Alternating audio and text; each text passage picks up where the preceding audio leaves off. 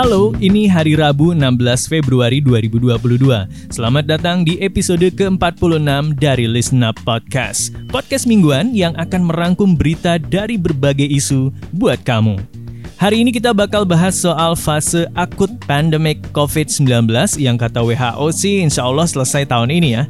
Jaminan hari tua yang kontroversial dan Indonesia yang baru aja dinobatin sebagai negara terindah di dunia. Now, let's catch up. Is no, no borders. And as we all know from Omicron, any feeling of safety can change in a moment. We know this virus will continue to evolve. But we're not defenseless. We have the tools to prevent this disease, to test for it, and to treat it. Yuhu, itu tadi guys bos besarnya World Health Organization atau WHO, Mr. Tedros Adhanom yang said a little hop nih bahwa COVID-19 ini fase parahnya bakal selesai tahun ini asal 70% populasi dunia udah divaksin. Yap, hal ini disampaikan oleh Pak Tedros dalam keterangannya minggu lalu. That being said, Beliau menegaskan bahwa pilihan untuk mengakhiri pandemi ini ada di tangan kita untuk memastikan bahwa 70% warga dunia itu vaccinated. Adapun kalau dari targetnya WHO, 70% ini kemungkinan bisa dicapai pada Juni atau Juli di tahun ini. Tapi ya lagi-lagi ini bakal tergantung banget sama distribusi vaksin dunia dan nggak boleh lagi nih ada vaksin inequality di antara kita. Nah, apa sih vaksin inequality itu? Sesuai sama namanya guys, vaksin inequality adalah ketidakadilan distribusi vaksin di mana negara-negara kaya bisa punya akses banyak banget ke vaksin. Makanya kayak US atau Israel yang udah bisa booster bahkan dosis keempat. Tapi di negara-negara yang ekonominya rendah, vaksin ini jadi barang langka. Adapun salah satu wilayah yang jadi sorotan adalah benua Afrika yang tingkat vaksinasinya masih rendah yaitu baru 11% aja. Sedih ya. Makanya sebagai solusi, mereka nggak bisa lagi nih nungguin kiriman vaksin dari negara maju. So instead, mereka bikin vaksin sendiri. The first COVID-19 vaccine manufacturing plant on the African continent has opened in South Africa. While vaccination programs around the world have delivered more than 10 billion doses, sub-Saharan Africa is facing a massive shortage. In the long term, hopes are that uh, Cape Town-based Afrigen Bio- Biologics biologics will be able to increase local production, delivering an affordable product and reducing dependency on imports. Nah guys, Made Afrigen, vaksin buatan Afrika pertama yang bakal pakai sequence mRNA, kayak yang dimiliki Moderna. Rencananya Afrigen ini bakal diuji klinis di November tahun ini dan bakal siap dipakai di tahun 2024 nanti.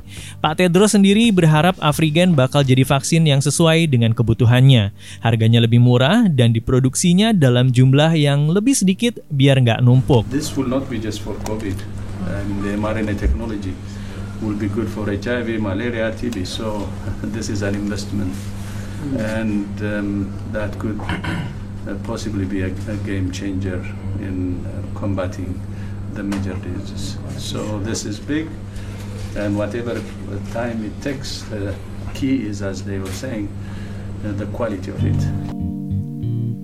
Nah, Afrika sendiri sekarang lagi berprogres positif banget untuk keluar dari pandemi. Menurut Direktur WHO Afrika, Matisido Muti, Afrika bisa mengelola virus ini secara jangka panjang, ditambah vaksinasi yang meningkat, plus mereka udah punya vaksin sendiri. Jadi ya, semoga aja status endemi itu bisa jadi bukan angan-angan lagi ya. Nah, FYI guys, Bank Dunia sendiri mengestimasi bahwa pandemi COVID-19 ini sudah menyebabkan 40 juta orang di Afrika jatuh sejatuh-jatuhnya ke dalam kemiskinan yang ekstrim. Belum lagi ada pendapatan domestik yang harus hilang setiap bulannya karena kebijakan pemerintahnya yang gak jelas. Nunda ini, nunda itu, cabut kebijakan A, cabut kebijakan B dengan total kerugian sebesar 13,8 miliar US dollar. Karena itulah, baik Mukti maupun Tedros menegaskan bahwa untuk bisa keluar dari pandemi ini dibutuhkan komitmen yang kuat dan political will dari semua pihak untuk benar-benar bekerja sama, membuat vaksin sendiri, mempercepat vaksinasi, dan eventually balik ke kehidupan normal. Secondly, Let's talk about the jaminan hari tua controversy. Para pekerja saat ini hanya bisa gigit jari. Pasalnya Menteri Tenaga Kerja Ida Fauzia mengubah aturan pembayaran manfaat jaminan hari tua atau JHT. Dalam pasal 3 Permenaker RI nomor 2 tahun 2022, jaminan hari tua hanya bisa diberikan kepada peserta saat mencapai usia 56 tahun sehingga peserta yang terkena pemutusan hubungan kerja atau mengundurkan diri harus menunggu dulu hingga usianya 56 tahun.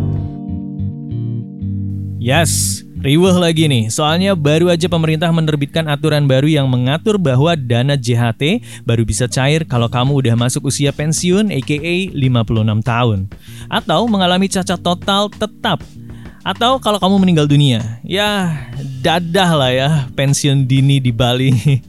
nah, in case you need a background, jadi over the weekend kemarin, warga di negara plus 62 lagi mengalami kontroversi hati seiring dengan diterbitkannya peraturan Menteri Ketenagakerjaan yang baru aja mengatur tentang pencairan dana jaminan hari tua aka JHT diatur bahwa uang JHT bakal dibayar sama pemerintah untuk peserta BPJS Ketenagakerjaan yang udah pensiun atau berusia 56 tahun, meninggal dunia, atau cacat total tetap.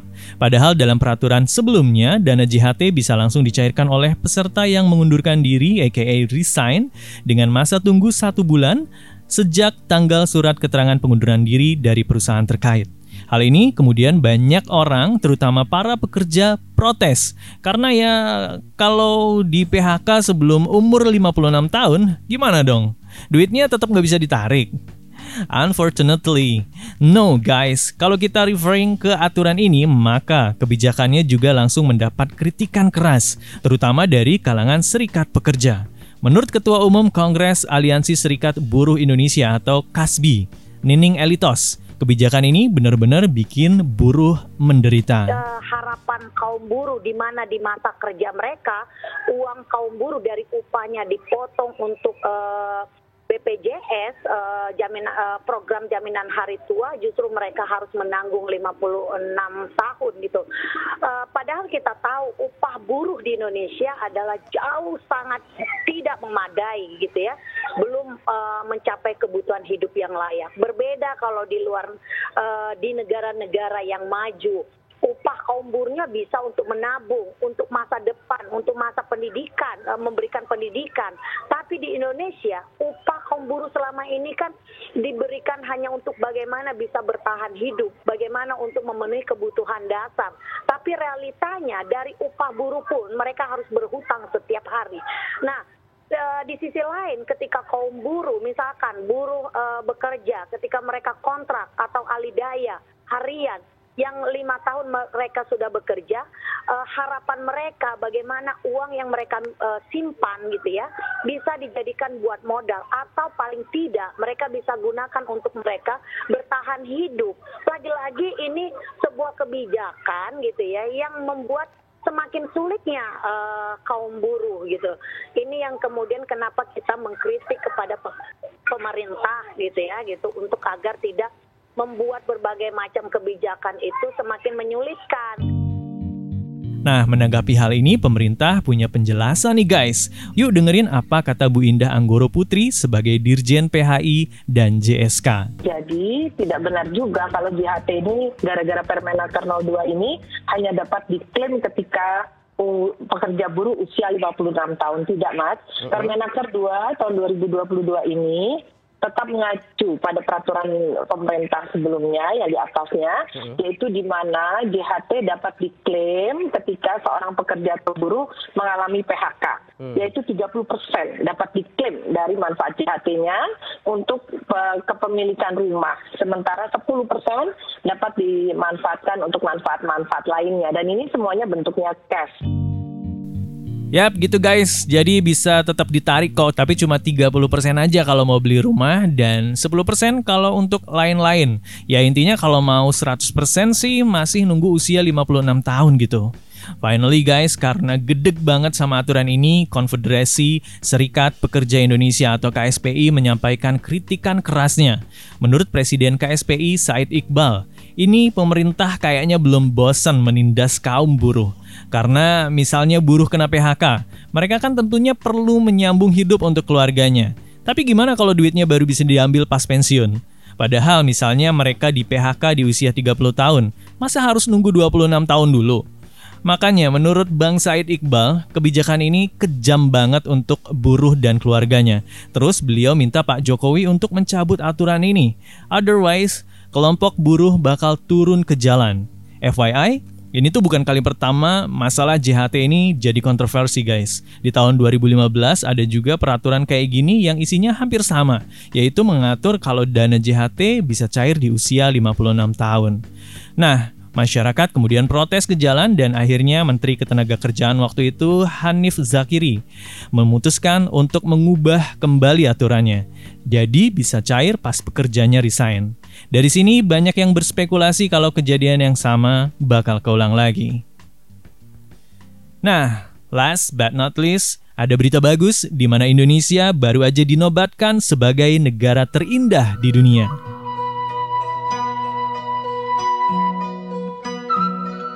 FYI guys, predikat negara terindah ini didapatkan dari hasil survei yang dilakukan oleh salah satu website di Inggris namanya money.co.uk dan dirilis minggu lalu.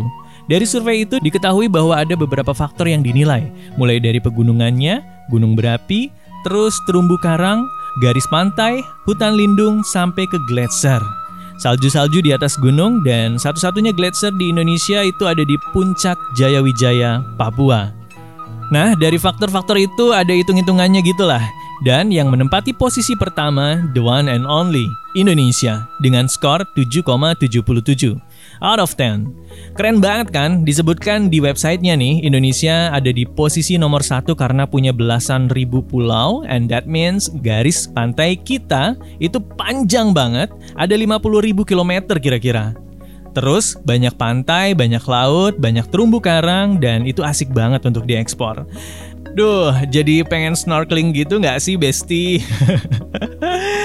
Not to mention Bali ya, yang emang dari zaman kapan jadi salah satu wisata populer di dunia. Eh, tapi nggak cuma Bali. Hutan-hutan tropis kayak yang ada di Sumatera dan Kalimantan jadi sorotan nih. Kayak orang hutan gitu kan. Sama Taman Nasional Komodo yang sekarang udah jadi warisan budaya UNESCO dan jadi alasan kenapa Indonesia dapat skor paling tinggi dan peringkat nomor satu sebagai negara terindah di dunia. Di bawah Indonesia yaitu dua nomornya ada Selandia Baru yang juga banyak bukit, banyak gunung dan banyak gunung berapi aktifnya sama banyak gletsernya juga dan the fact that orang-orang dari berbagai macam negara rame-rame liburan ke New Zealand buat ngeliat sendiri gimana alamnya. Tuh, harusnya no question lagi kenapa akhirnya New Zealand ini yang ditaruh nomor 2. Terus selanjutnya ada Tanzania, Meksiko, Kenya, India, Perancis, dan negara-negara lain yang masuk ke dalam daftar negara terindah versinya money.co.uk. Demikian listen up hari ini, sampai ketemu hari Jumat.